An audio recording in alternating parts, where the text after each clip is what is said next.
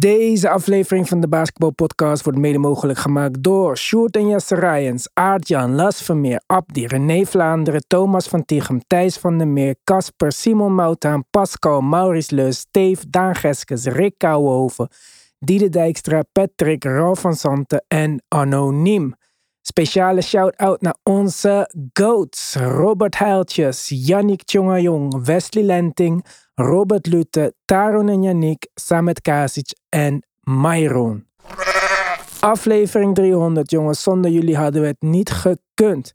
Wil jij ook supporten of wil jij gewoon extra podcast of toegang tot de groupchat? Ga dan naar de basketbalpodcast.nl en kies voor luister op Petje Af.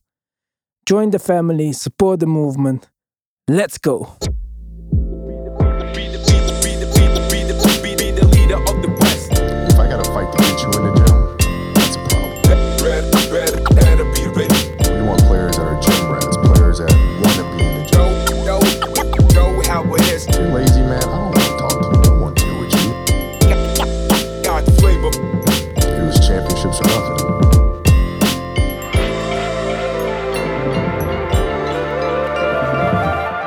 Ja, Tim, aflevering 300. En dan de eerste van deze finals-serie. Finals preview ook gelijk. We gaan het sowieso nog hebben natuurlijk over Bob Myers. Die weggaat bij de Warriors. Wat moeten zij nu gaan doen? Op petje af hebben we het al gehad over wat Boston nu moet gaan doen. Ga die sowieso checken als je dat nog niet hebt gedaan. Maar eerst dus Tim. De NBA Finals 2023. We zijn er. Echte. Het is snel gegaan, hè? Eigenlijk wel, ja. Want ik weet nog dat ik dacht, ik wil dat de playoffs beginnen. En nu zijn de playoffs over vier wedstrijden klaar. Over... Over vier wedstrijden. Nee, dat denk ik dan weer niet. Nee, wat is jouw voorspelling? Laten we daar gelijk mee beginnen. Waarom niet? Nou, omdat het eh, de heat de heat zijn, dat is eigenlijk de voornaamste reden. Maar ehm, ik eh, wel denk dat de Nuggets winnen hoor. Maar eh, ik, ik zet hem in op de Nuggets in zes. Ja, de Heat kunnen Heat zijn wat ze willen, maar Nuggets in vier. En waarom? Want dat is natuurlijk de belangrijkste vraag. Nou, volgens mij hebben eh, de Nuggets sowieso niet verloren van de Heat sinds de bubble of zo. Het is echt een eh, hele lange tijd geleden. Ja, Ze zijn uitgerust. Ze beginnen thuis in Denver. Ik denk dat de Heat moe zijn.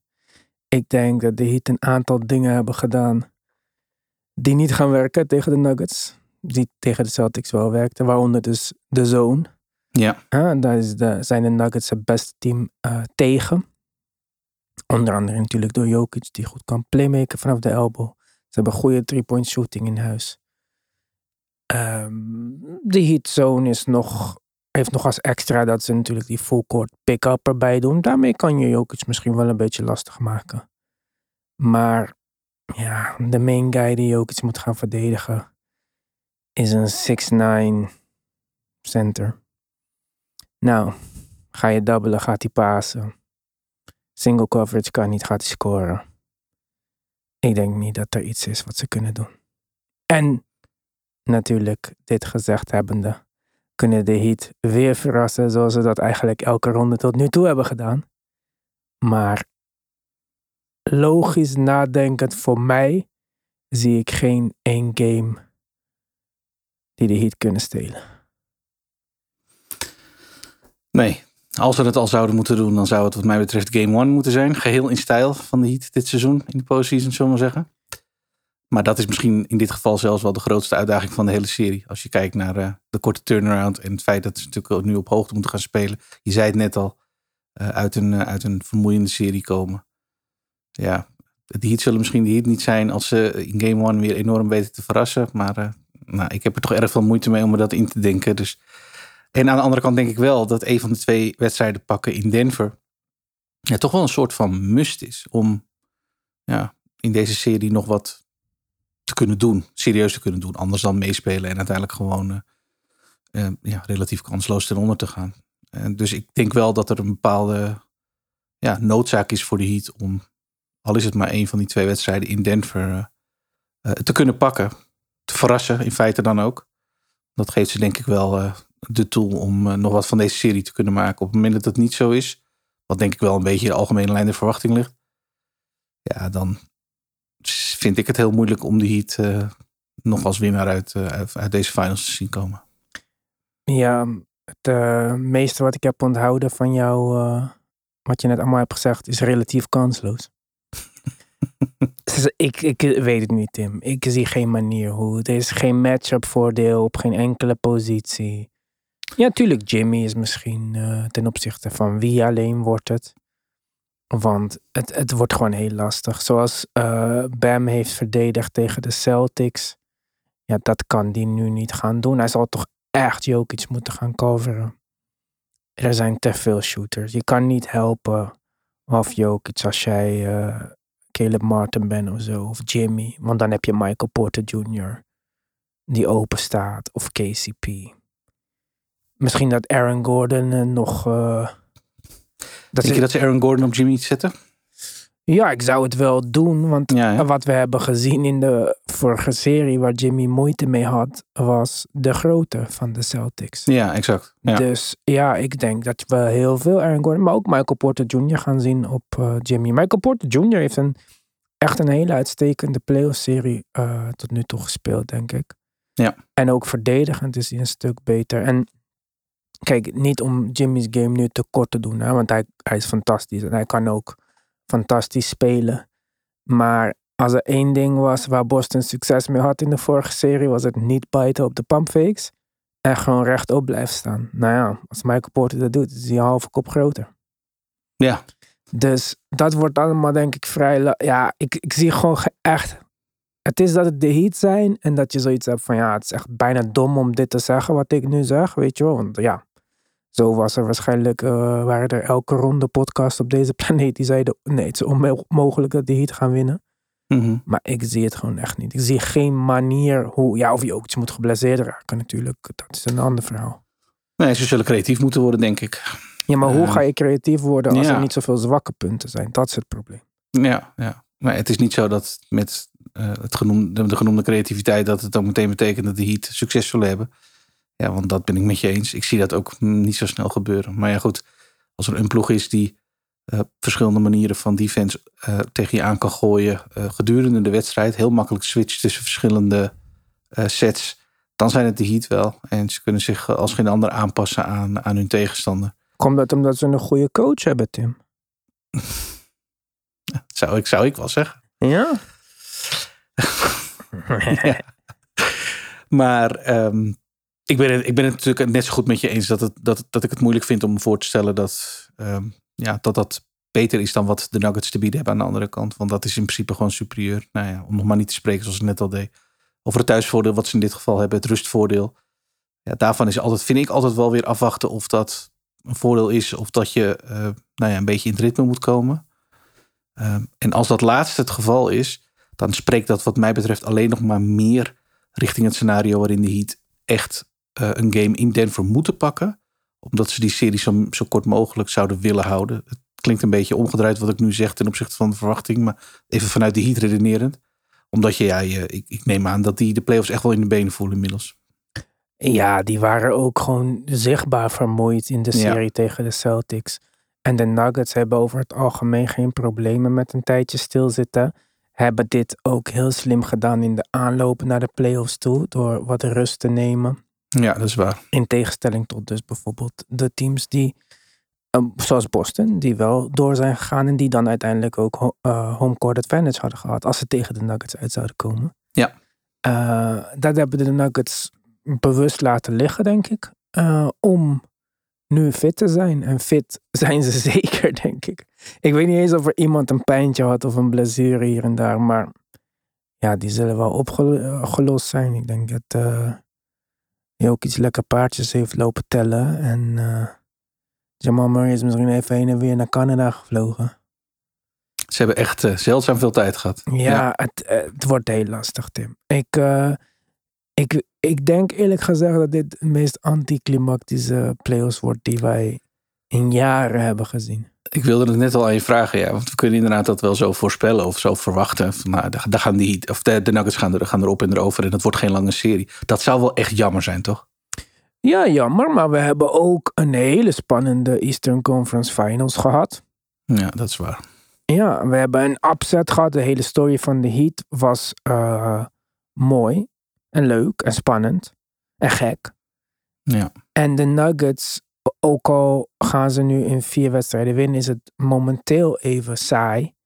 Ja, de story de hele zomer en into next season wordt wel de dominantie van de Nuggets. En dan kunnen we verder gaan speculeren over is dit een dynasty? Is dit een. Uh, ja, snap je? Dat zijn ook allemaal leuke. Ja. Kijk, voor nu is het even saai. Ik vond het nu deze week al saai dat ik uh, in de ochtend niet basketbal heb om te kijken. Het ging van zes wedstrijden per dag waar ik uit moet kiezen, als het er dan niet meer waren, naar een paar, naar twee, naar één, naar om de dag. Dus ja, het wordt saai en het, is jammer dat basketbal stopt, maar aan alle goede dingen moet een einde komen en ook aan dit seizoen. En uh, ja, wat ik zei, het wordt 4-0, denk ik. En dat is een beetje saai nu. Maar het is wel misschien de start van een legende of een legendarische run. Ik denk al aan three-peats. Wie kan oh, nu ook iets stoppen? Oh, wow. snap je? Ja. Ik, kijk, ik snap dat dat allemaal veel te voorbarig is en zo. Maar dat zijn ook leuke dingen om uh, mee te nemen. Helemaal omdat ze zo dominant waren. En we hebben net een Heat team gezien die de Celtics eigenlijk slordig hebben verslagen in zeven wedstrijden. Zoals ik al eerder had gezegd en ook in de patch af. Ik denk dat het eerder had gekund. Ik denk dat er toevalligheden waren. Ik denk dat de winst van de Celtics een klein beetje vertekenend waren voor het beeld. Het was niet zo gelijk als dat het leek. Of als dat het op papier lijkt door de uitslag. Mm en als dat team weer wordt gedomineerd, het beste team uit het oosten wordt gedomineerd, weggeveegd. En dat zegt toch ook wat. Het is toch ook spectaculair op zich. Ja, omdat dat wel eh, weer aangeeft wat, denk ik, ik denk dat voor een deel aangeeft hoe de Eastern Conference er daadwerkelijk voor staat dit jaar. Waar uh, bijvoorbeeld door mij en misschien wel door velen aangenomen werd dat we een hele sterke Eastern, een hele competitieve Eastern Conference hadden. Nou, dat competitief was het wel. Hmm. Maar uh, ja, als dat uh, elkaar de tent uitvecht en vervolgens in de daadwerkelijke finale overlopen wordt door het team uit het Westen. Ja, oké, okay, dan worden de verhoudingen wel weer even duidelijk, denk ik. Ja, maar ook de Eastern Conference wordt nu alweer leuker volgend jaar. We hebben ja. niet meer de Celtics die eigenlijk als een soort van prinsen naar de troon worden ge gereden. Nee, ze moeten er nu voor gaan werken. Dit kan ook de origin story van de Boston Celtics uh, opleving zijn. We hebben een Sixers team met straks Van Vliet. Uh, in plaats van een James Harden. Misschien een team wat beter klopt. Met een misschien ja. meer gefocuste Embiid. Net als LeBron naar scoringtitel. Embiid naar MVP. Misschien nu gefocust op een kampioenschap. We hebben de Cleveland Cavaliers, die zeker niet uh, lekker in hun vel zitten na deze first round exit. We hebben de Bucks met een nieuwe coach. We hebben zoveel interessante mogelijkheden ook in het oosten. Net zo goed als in het westen trouwens natuurlijk. Dat ik denk dat dit alleen maar ja, goed is. Iedereen heeft op zijn kop gekregen, man. Die Bucks die ik dacht dat de finale gingen halen, zitten gefrustreerd thuis. Denk je dat Giannis uh, met een ijsje voor de tv zit of zo? Echt niet hoor. Die is gefocust. Ja. Boston heeft nu op zijn kop gekregen. Uh, wat ik zei, de Cavs zijn gefrustreerd. De Philly, Philly ook, denk ik. Ja, ja, denk het ook. Maar dat is nog even afwachten voor mij wat daar gaat gebeuren. Want ja. als dit rooster intact blijft op deze manier, second round exit, ik durf er nu geld op te zetten. Dus uh, het wordt sowieso leuk, denk ik. En ik denk wel dat ook deze ascension van de Heat naar deze hoogte ja, een, een um, soort van warning shot is naar de rest van de league. Van je kan geen team bij elkaar kopen. Je kan niet uitgaan van je jonge, talentvolle spelers. Er komt Ja, meer dat- bij kijken. En stuur Ja. niet zomaar je coach weg. Ja, de Heat zijn daar wel, zijn wel uniek in hun aanpak. En dat, je kan zeggen wat je wil, maar dat grossiert toch al de afgelopen jaren. Want dit is natuurlijk wel hun hoogtepunt vooralsnog. Maar eh, het is niet alsof dit eh, eh, heel nieuw is, zeg maar. Dit zien we al een aantal jaren gebeuren nu bij de Miami Heat. Ja, dat zijn toch wel dat ze de vruchten plukken van een heel eigen manier van, van rosteropbouw, van ontwikkeling. Ja, maar ook En- Denver. Denver doet het weer op een andere manier, maar is, is inderdaad net zo goed al, al lang bezig. De Ja, uitkomst klopt. en de stijl is anders. Maar Ja, de manier waarop is eigenlijk een beetje te vergelijken. Ze draften hun eigen spelers, trekken wel de mensen aan die ze nodig hebben. In het geval van de Heat is dat Jimmy Butler. In het geval van de Nuggets waren dat roleplayers. Maar hele belangrijke roleplayers in KCP en Gordon, Bruce Brown. Maar de coach zit er al wat langer. Er is een duidelijke filosofie als het aankomt op spelen. Er is een culture. Dit is wie wij zijn. Als je ook kijkt naar alle spelers die nu opduiken, die eindelijk wat mogen vertellen over hun tijd bij de Nuggets, omdat de Nuggets nu opeens wel relevant zijn. Zoals Isaiah Thomas en zo, ze praten over Jokic. Jokic's reputatie gaat hiermee echt veranderen. Voor alle echte NBA-fans, misschien luisteraars van deze podcast, was het natuurlijk al duidelijk wat Jokic kon en wat hij was. En la la la, welke positie in de NBA-hierarchie hij innam. Maar dit wordt een doorbraak in de national media. En ja, ik, uh, ik vind het een hele interessante staat van de NBA momenteel. Twee teams in de finale, zonder klassieke supersterren. Geen big trees, geen bij elkaar geraapte trade dingen of zo. Nee. Be beide maar één All-Star. Beide maar één All-Star. Maar ja, goed. het is al heel lang geleden dat het voor het laatst gebeurd is. Ja, maar daarom. Dit zijn, uh, dit zijn nieuwe, ja, een nieuwe soort van finales. Wat ik zei, het was eh, LeBron James altijd met zijn All-Star squad. En ook de Warriors natuurlijk met hun in-house uh, All-Star squad. Ja. En dan hebben we Giannis met uh, de All-Stars, True Holidays en zo, waarvoor ze getraind hebben. Dus het is heel, ik vind het heel interessant. Ik vind het leuk. En ik vind het een, een goede kans om de narrative een beetje te veranderen. Ik denk, we hebben het daar al eerder over gehad, dat de media en misschien ook de NBA PR of wie dat ook voor zijn rekening neemt, een beetje een verkeerde weg in waren geslagen als we het hebben over hoe willen we dit neerzetten en promoten. Dat is lekker mislukt dit jaar. Want je hebt de twee minst sexy franchises in de finale misschien wel. Eentje die keihard werkt en de ander met sterren die het niks boeit. Dus ja, lekker pech. en dan gaan we nu misschien een beetje weer focussen op uh, basketbal. En um, ja, over narratives pushen gesproken. Uh, ik, ik had uh, vanmiddag even niks te doen, dus ik dacht, laat me even iets leuks doen. Ik had een poll gezet op onze Instagram story. Met twee spelers. Ik had hem trouwens ook in de groupchat gedropt. De groupchat was even wat assertiever, want die kwamen er vrij snel volgens mij achter wie de twee desbetreffende spelers waren. En dat veranderde wel een beetje de stem. Maar ik vroeg eigenlijk op onze Instagram stories: player A, player B, wie wil je liever? Nou, om een klein beetje een samenvatting te geven van player A en player B.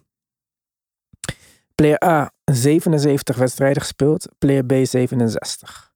Player A 25,1 punten, player B 26,6. A 10 rebounds, 4 assists.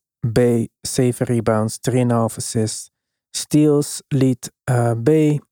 Field goal percentage voor B, 3-point percentage voor A. Free throw percentage nagenoeg gelijk. Effective field goal percentage uh, nagenoeg gelijk. En alle advanced stats zijn voor speler A. Uh, verdedigend gezien zijn ze eigenlijk allebei hetzelfde. Eén op één kunnen ze prima verdedigen. Team defense zijn ze drama. Zijn allebei niet beter geworden in de playoffs. Waren allebei All-Star in het verleden. Waren allebei All-NBA in het verleden. En de leeftijd is nagenoeg hetzelfde. Ik vroeg wie kies je? Over narratives gesproken dus. 72% van de mensen koos speler A. Kan je je daarin vinden of zeggen, nou dat vind ik heel gek? Nee, nee, nee, dat vind ik niet zo gek. Nee. Maar als ik je nou zou zeggen nog ook dat speler A, ik verzin even getallen, maar de verhouding is zo. Speler A verdient 20 miljoen en speler B verdient 40 miljoen de komende jaren. Dan wordt die keuze voor A nog duidelijker, toch? Ja. Tot ik de namen verklap en dat is het moment waarop mensen hun stem gaan veranderen. Want speler A is Julius Randle en speler B is Jalen Brown. En Jalen Brown krijgt 60 miljoen per jaar straks. En Randle heeft een aflopend contract van 29 miljoen. Ja. En dat is een narrative. Want als je tegen een, zelfs vergevorderd, niet eens gemiddelde NBA-fan zegt, wie is er beter? Zegt iedereen Jalen Brown. Als ik hier twee namen had gezet, wie kies je Jalen Brown of Julius Randle? Was Ja, nee, absoluut. 100% voor Jalen Brown. Klopt. Dat, eh, dat, dat lijkt me duidelijk. Ja. Zelfs Julius Randle had geen acht turnovers. Nee. Grappig, hè? Hoe wij... Ja, het is wel bijzonder. Ik Ja. zit heel hard te denken waar, dat, eh, waar, die, waar die nuance dan in zit. Maar eh, in ieder geval niet in de stats, dat is duidelijk. Ja, maar het is niet alleen de stats. Als je het ook vergelijkt en ook de advanced stats. Zelfs, zelfs in het voordeel van Julius Randle val je over replacement player, box plus minus. En eh, verdedigend gezien denk ik dat je niet kan zeggen dat een van de twee beter is. Julius Randle is heel sterk. Die kan prima zijn mannetje staan in de post. Is een slechte perimeter verdediger. Omgekeerd geldt voor Jalen Brown. Team defense allebei dramatisch. En dat is echt niet overdreven. Ja, Jalen Brown heeft het één eh, finals een beetje bewezen. Meer dan Julius Randle in de playoffs. Ja. Maar Julius Ja. Randle heeft het consistenter, consistent, met consistency bewezen in de regular season. Eh, ja, dat is wel het verschil. Van Ja. Julius Randle kun je heel veel zeggen, maar hij is wel één consistent en twee eh, enorm durable gebleken. Dus dat. eh, Precies, dat- tien dat- wedstrijden meer ook. En wat ik zeg, Julius Randle heeft een aflopend contract van 29 miljoen. En dat is veel. En hoe kunnen de Knicks daarvan afkomen? Hij is untradable. En Jalen Brown is no-brainer, geef hem 60 miljoen per jaar. Want als Boston hem niet geeft, dan moet een ander team hem wel geven. Ja, goed. Het enige verschil wat, wat voor eh, Brown pleit, als je puur deze twee tegenover elkaar zet, zou, zou ik, wat mij betreft, eh, zou natuurlijk de, de, het gedrag zijn. Ja, maar welk gedrag? Zo positief gedrag vertoont Jalen Brown ook weer niet, toch? Nee, maar eh, wel, wel veel meer een teamspeler. En de voorbeelden van Mitt Randall die we hebben gezien. Maar goed, nogmaals, die vertalen zich niet in de stats. Dus ik snap het. En Ik begrijp het. me ook niet verkeerd. Hè. Ik zeg niet dat als, als de Celtics morgen naar de Knicks spelen, dat ik zou zeggen nee, doe het niet of zo. Want ik denk dat ik liever Jalen Brown zou willen bij de Knicks dan Julius Randle. En je weet dat ik niet Julius Randle fan ben, sowieso. Ja. Maar mijn punt is alleen dat eigenlijk mijn punt was dat Jalen Brown is gewoon niet een 60 miljoen speler. Nee, En nee, ik snap dat daar vraagtekens bij komen. Ja, Ja. en dat is hij dus voor mij zeker niet.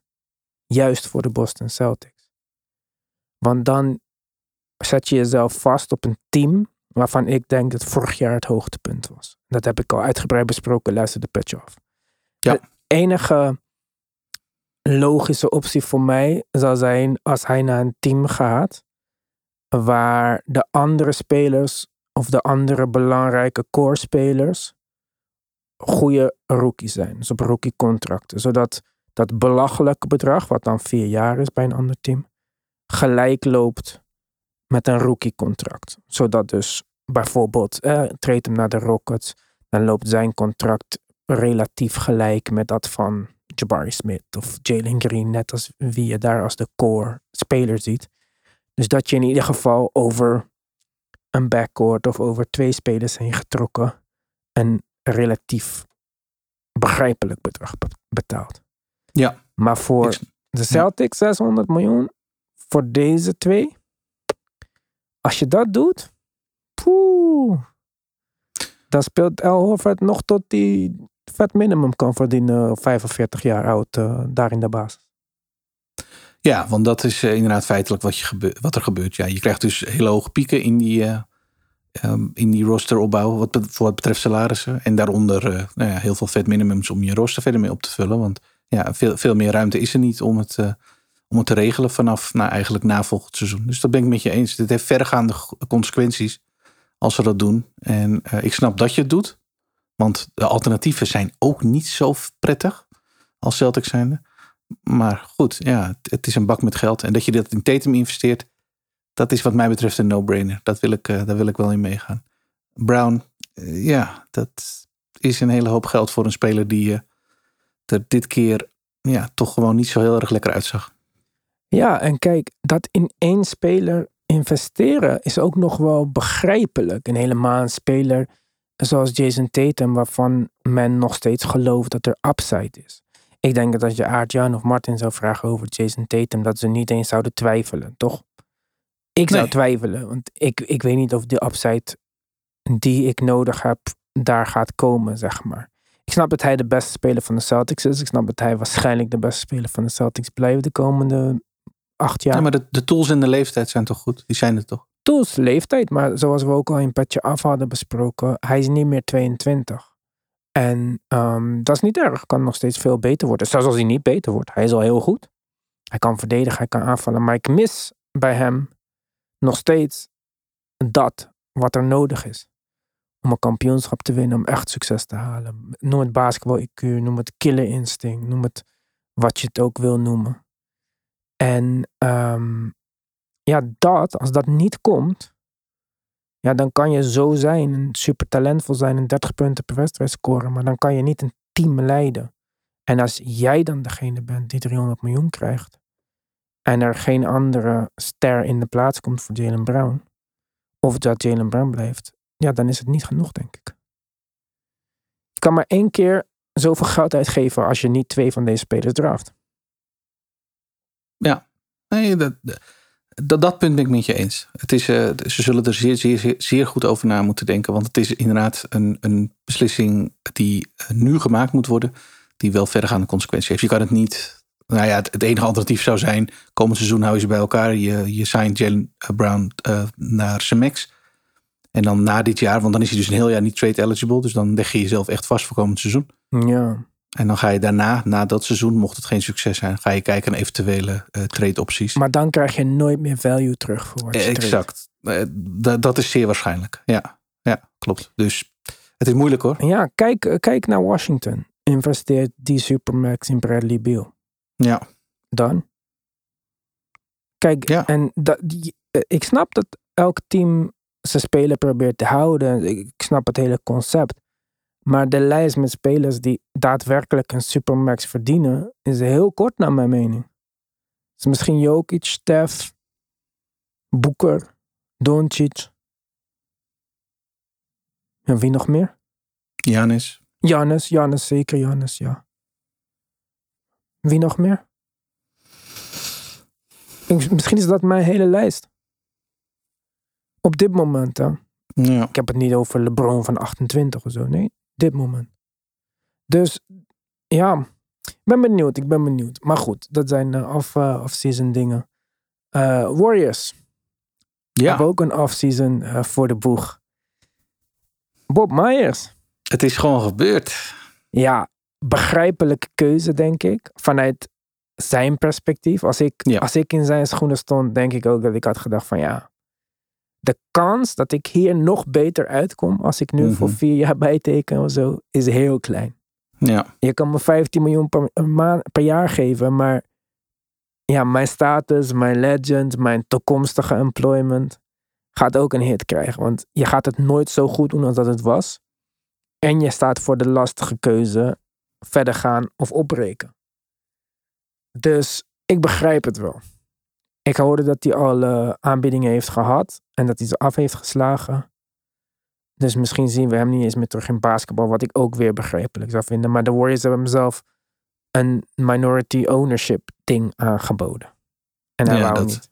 Dat is wel echt niks level, ja. Ja, zo graag uh, wilden ze hem behouden. Maar ja, dus kijk, hij brengt het nu als, uh, nou ja, hij wil gewoon afstand nemen. En, en rightfully so, je noemde het net al. Wat mij betreft is dat ook meteen de grote vraag. Kijk, dat hij beslist wat hij beslist, is volledig begrijpelijk. De, wat mij betreft kijk ik nu naar de vraag, stapt hij echt weg even uit basketbal om even tot rust te komen en te kijken wat hij verder wil met zijn carrière?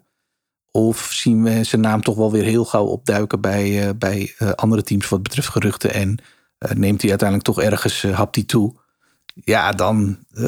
ik, ik was er eerlijk gezegd de afgelopen tijd alleen maar van uitgegaan dat hij, als hij zou stoppen, dat zou doen om wat afstand en rust te kunnen nemen. Dat was eigenlijk mijn enige. Totdat het daadwerkelijk gebeurde en alle berichten de alle kanten op gingen van, nou ja, wie weet waar hij dan terecht komt. En hij zal nu al de grootste aanbieding. Ik dacht, maar dat is helemaal toch helemaal niet. Er is helemaal geen sprake van volgens mij. Nou, daar lijkt misschien een heel klein kietje tussen de deur te zitten van. Het betreft andere teams die nu achter hem aan kunnen gaan. Ja, denk je dat? Ik denk nog steeds niet dat het gebeurt. Nogmaals, voor mij was het een voldongen feit dat hij, als hij weg zou gaan, gewoon even, even tijd af zou nemen. Hij gaf in die persconferentie ook aan dat het was hem niet om het geld te doen. Nou, dat lijkt me duidelijk. Hij, ja, hij heeft zulke belachelijke aanbiedingen gehad. Ja, dus hij verdiende goed. En uh, ja, ik denk ook dat hij op het juiste moment een stap terugneemt. Je zei het net al, al goed. Maar ja, ja, hoe lang, verlies je, hoe lang kun je afstand nemen? Dat vind ik ook altijd zo'n interessante vraag. De NBA den het gewoon door. door. Dus ja, misschien dat dat voor hem ook een afweging is. Die front office posities zijn wel iets anders dan uh, coaching positions of zo hoor. Dat is waar. Dus kijk, ik denk sowieso dat er heel veel plek zou uh, zijn mocht hij zeggen van nou, ik ben op, op zoek naar een nieuw team. Mhm. Washington, volgens mij is net iemand weggegaan bij de Clippers, toch? Die is naar Washington gegaan. Oh, die is naar Washington. No, ja, hij wordt in verband gebracht met LA. Welke LA? Lakers? Dat, ik heb iets met Los Angeles gezien. Of dat nou, Lakers lijkt me sterk. Ik denk Clippers, ja, want Lakers hebben geen Bob Myers money. Hm, nee, en Pelinka heeft het volgens mij juist goed en niet slecht gedaan. Dus. Ja, maar die kan president of basketball operations worden of zo. Ja, bij de Knicks heb je 27 GM's. Ja, waar er net één van weggaat ja, nu, toch? Scott Perry, de echte GM, gaat De echte GM, ja. Maar die was al uh, jaren geen GM meer. Geen, uh, niet, geen grote stem meer. Nee, nee. Uh, bij de Clippers is Michael Ringer, Winger, Winger moet ik volgens mij zeggen, naar Washington gegaan. Ja. En die was daar de GM inderdaad. Lawrence Frank is daar de president. nooit van gehoord van die man. Nee, nee, maar hij schijnt wel gerespecteerd te zijn. En voor, voor Washington schijnt dat een hele goede hire te zijn geweest. Maar goed, die positie is dus nu inderdaad wel vakant daar. Dus. Misschien kan Scott Perry daarheen gaan, die net bij de Knicks weg is. Wie weet, ja.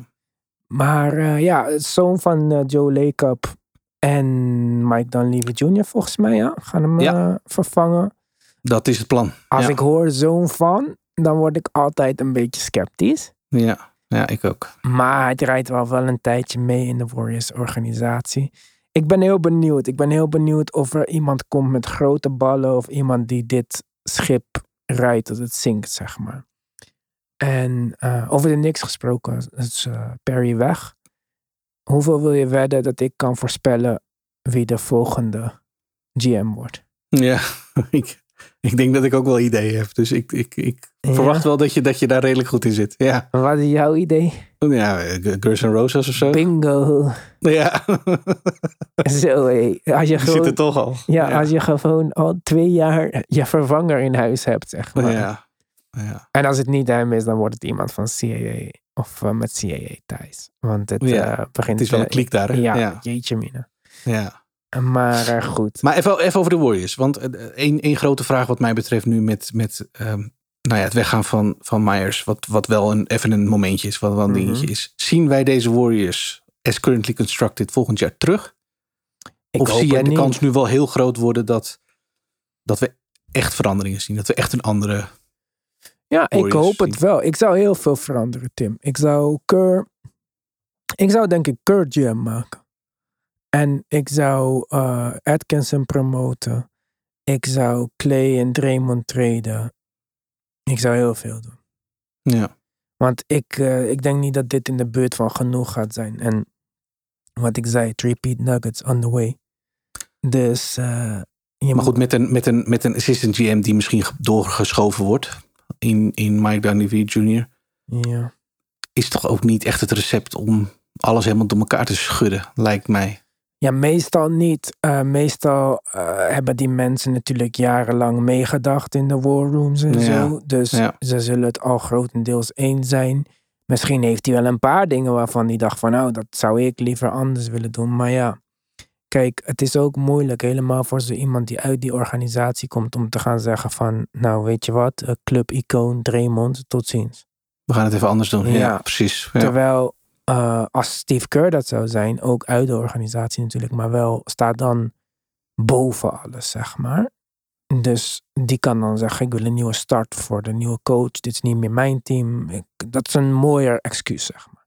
Ja. En een ja. nieuwe GM natuurlijk zou uh, kunnen zeggen: van nee, ik heb de papieren bekeken. Dit is niet hoe wij de toekomst in willen gaan. Uh, klaar. Maar ik, uh, als het zo Dunleavy Jr. en die zoon van Joe Lacob wordt, dan dan zie ik uh, weinig succes in de toekomst van de Warriors. Ik denk dat dit het was. Daar ben ik heel benieuwd naar. Ja, ik zie niet hoe dit team, en dus met deze contracten en met wat de spelers willen. Draymond wil echt niet uh, 15 miljoen per jaar of zo hoor. Dus, nee, nee, nee, nee. nee. Ja, Het, dus eh, dan het is- gaat over allemaal serieus geld. Ja, Ja, dus weer geen diepte en zo. Dat kan gewoon niet. Kan je nog drie keer eh, Gary Payton de tweede fit maken, maar eh, dat gaat 0% helpen. Ik denk, eh, ik denk dat het tijd. Ik, ik zou het echt opschudden. Want ik denk ook dat al die spelers treden je niet per se direct een beter team oplevert. Dus ja, Dat is ook waar. Ja, dat is dan de volgende uitdaging. Traden klinkt altijd leuk, maar ja. iets terugkrijgen waarmee je net zo goed of beter was dan de huidige situatie, dat, is- dat is niet zo eh, snel ge- geregeld. Ja, en ook eh, Bob Myers trouwens, afgelopen jaar heeft hij niet echt zoveel bijzonders gedaan, vind ik. Ja, getraind voor Gary Payton, maar je hebt wel eh, die draftpick die je zelf hebt gekozen, weggestuurd voor niks. Ja, voor Sadiq B. Dat is ook Ja. een naam die niemand wat zegt. En eh, ja, dus het is een beetje zonde allemaal. Maar goed, ik, eh, ik eh, voorspel. Ik vind dat de Warriors fans moeten ook blij zijn. Ze hebben heel veel goede jaren gehad. En ja, een rebuild kan ook leuk zijn. En Stef nog een paar jaar kijken ook. Dus ik denk dat Robert en zo wel oké zijn. Denk ik. Ik hoop het. Ja. Hey, over nog veranderingen gesproken. We hadden natuurlijk al besproken. Jij zei het volgens mij ook van. Eh, Joe Mazzulla heeft echt assistenten nodig in eh, Boston. Ja. Nu lekte, of lekte, er kwam een nieuwsbericht van eh, Bill Simmons, die met zijn vader bij de wedstrijd was. En die zei, ja, Al Horford coacht de timeouts. Mazzulla staat te praten met zijn assistent. En die zegt dan nog 20 seconden. Ja. Ja, dat kan natuurlijk niet zo zijn. En vandaag is er uitgekomen dat Judoka nog drie van Boston's assistenten Ja. naar Houston haalt. Ja, daar ben ik niet zo van ehm, verrast, door verrast eigenlijk. Wat mij betreft een soort van optelsom. Als we het er al over hadden dat het bij de Celtics wat eh, ondiep werd. En op zoek waren naar wat meer ervaren assistants. En dus überhaupt dat team willen een beetje willen uitbreiden. Ja, dat er misschien nog een aantal zitten die zeggen... nu we de kans hebben, gaan we, gaan we met judoka mee. Ja, oké. Ik bedoel, de opdracht voor de Celtics blijft gelijk. Die, die assistant pool groep daar, die moet... Is moeilijk, Tim. Je moet allemaal nu ervaren mensen gaan zoeken. Het worden allemaal eh, Brad Steven hires. Want Ja. heeft de ervaring niet in de NBA. Dat hij kan zeggen, ik heb daar met die gewerkt en daar met dat. Ik bel hem. Nee, van wat? Hij heeft alleen eh, een beetje bij Boston gezeten. Dat is het. Dus dat wordt heel lastig. En dan voor een coach om, een, om opgezadeld te worden eigenlijk met een nieuwe coachingstaf. Ja, dat. eh, ik voorspel ook voor Boston. Nou ja, eh, opgezadeld worden met een nieuwe coachingstaf. Ik neem aan dat Joe Mazzulla daar wel een soort van... eh, Dat zal wel een 1 2tje zijn met, met Brad, toch? Dat, dat ja, maar wie niet, gaat eh, hij aannemen dan? Met wie heeft nou ja, hij je- gewerkt? Hij heeft helemaal ja. met niemand op de bank gezeten. dat, is, dat, is, dat kan één deel zijn van de relaties die je aanboort. Maar aan de andere kant kun je natuurlijk ook gewoon gaan pitchen. Want eh, het is niet eerst de beste team eh, wat, wat om assistants aan het vragen is... als het de Celtics zijn.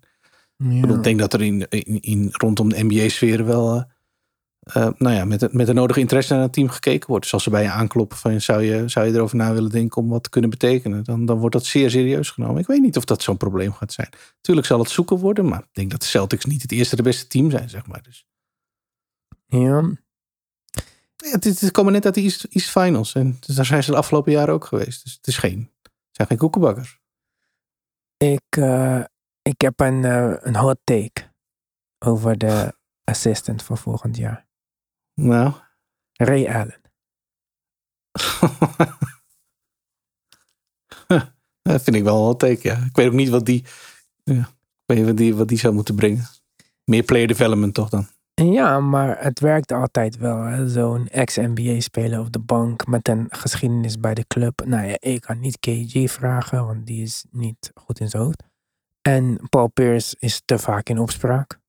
Ja, en van Ray Allen weten ze niet of die eh, zijn 100% loyaliteit bij de Celtics heeft liggen. Of misschien. eh, Ja, maar daarom zou het extra leuk zitten. zijn dat iedereen zich Ja, aan kan wel. irriteren. En Ja. Rondo ga je niet doen, want die is te koppig.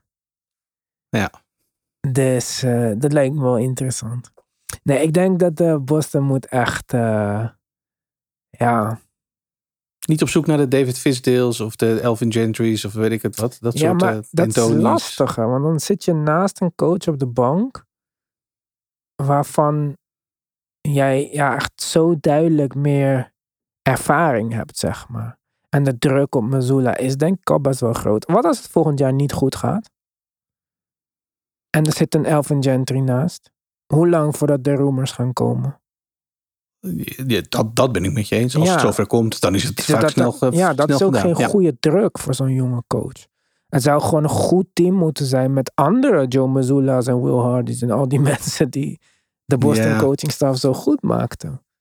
Ja, dat is waar. Maar ja, goed, voor hem is het een hele grote stap geweest. En daarin kan hij wat mij betreft wel ja, ervaring gebruiken. Ik ben het met je eens. Het, is, het moet ook niet de verkeerde kant opvallen. Maar ik denk wel dat er een paar namen beschikbaar zijn die eh, één, ervaring hebben en twee, eh, het kunnen om hem echt te ondersteunen in een assistant rol. En niet, nou ja, uiteindelijk halverwege het seizoen eruit te zien alsof zij, alsof zij degene zijn die het team Ja, dat wordt een probleem, Ja, ja, ja. denk ik. Dus ja, tips zou perfect zijn. Dat ben ik met je eens. Dat zou echt perfect zijn. Ja, Hij Ja. heel, heel available als je het mij vraagt. als het jou vraagt, ja. Ja. Ja. Ik ben Ik nog weet niet wat steeds... Guns N' Roses daarvan vindt. Nou, totdat hij getekend heeft, ben ik ook in de running voor GM. ja, Schrodinger's kat. Zolang de doos niet open is. Maar ehm, ja, ik, eh, ik eh, vind het interessant. Ik vind sowieso de Eastern Conference echt interessant. Want er zijn heel veel teams met hoge verwachtingen. En die ook dit seizoen hele hoge verwachtingen hadden. Die grote veranderingen hebben gemaakt voor volgend seizoen. Ik zei in het begin al eventjes over eh, Fred Van Vliet. Die misschien wel naar de Sixers gaat. Was ook een van de eerste die reageerde op de aanstelling van Nick Nurse. Met een speedball emoji. emoji. En ehm, ja, als ik er, ik, volgens mij hebben we het er al vorige week over gehad. Of ik weet niet, op Petje Af ergens. Dat eh, wie, wie gaat er nou mee met Nurse? En toen hadden we het ook even over Fred van Vliet. Toen zei ik ook, oh ja, Ja. dat is een logischere fit dan Harden. Eh, Dat eh, vind ik ook. Ja, ik denk, voor minder ik denk niet dat ze daar per se op achteruit gaan. Nee. Nee. Ja, dus, Ik weet alleen niet hoe ze het voor elkaar zouden moeten krijgen. Maar dat, ja, dat zal misschien aan mij liggen. Hij is free agent. En ja, als Harden gaat, zijn ze nog steeds over de cap. Dus free agent tekenen kunnen ze niet. Dus ik weet niet zo goed hoe ze dat eh, ja, zijn een trade, zijn. En, ja, three-way zijn een trade. ja, ik wou net zeggen. Dan moet Harden eh, naar Toronto. Dus, ja, de, Ja, maar waarom Maar- zou Toronto niet eh, accepteren een paar spelers van Houston? ja, ja, ja, nee, klopt. Voor Toronto, als blijkt dat Van Vliet daar echt weg wil, ja, dan, dan gaan ze natuurlijk ook richting dat soort opties kijken. Nee, dat is ook zo. Maar goed, zijn en trades is al moeilijk te maken, laat staan eh three-way. Dus eh, dat, ik ben heel benieuwd. Maar ik denk dat het voor velen niet verkeerd zou zijn. Ik Denk het ook. Nou, Tim, we gaan het bijna zien allemaal. Het gaat bijna beginnen. Vier wedstrijden. Ja, voordat je het weet, eh, zijn wij bij de volgende aflevering al op de helft. Ja, Dus ik ben wel echt nieuwsgierig. Maar hoe dan ook, wordt er geschiedenis geschreven. Want een van die twee spelers, Jokic of Jimmy, gaat zijn eerste ring winnen. En dat Ja. is al eh, bijzonder. Een van deze twee spelers zet weer een dikke streep onder zijn Hall of Fame resume. helemaal met je eens. Zo zou ik het ook willen omschrijven. Ja, Dus deze finals voor de Hall of Fame. Volgende aflevering zijn we bij jullie op Petje Af. Na de eerste wedstrijd uit de serie natuurlijk. Eh de basketbalpodcast.nl en dan kies luister op Petje Af. In de tussentijd kun je ook meepraten in de groupchat. Ook daarvoor heb je natuurlijk een Petje Af abonnement nodig. En anders, ja. Ik weet niet Tim. Twitter, Instagram, wat moeten ze doen? sowieso. Volg, zie ons, reageer. En anders eh, spreken we elkaar de volgende uitzending weer, denk ik. Nou, tot dan.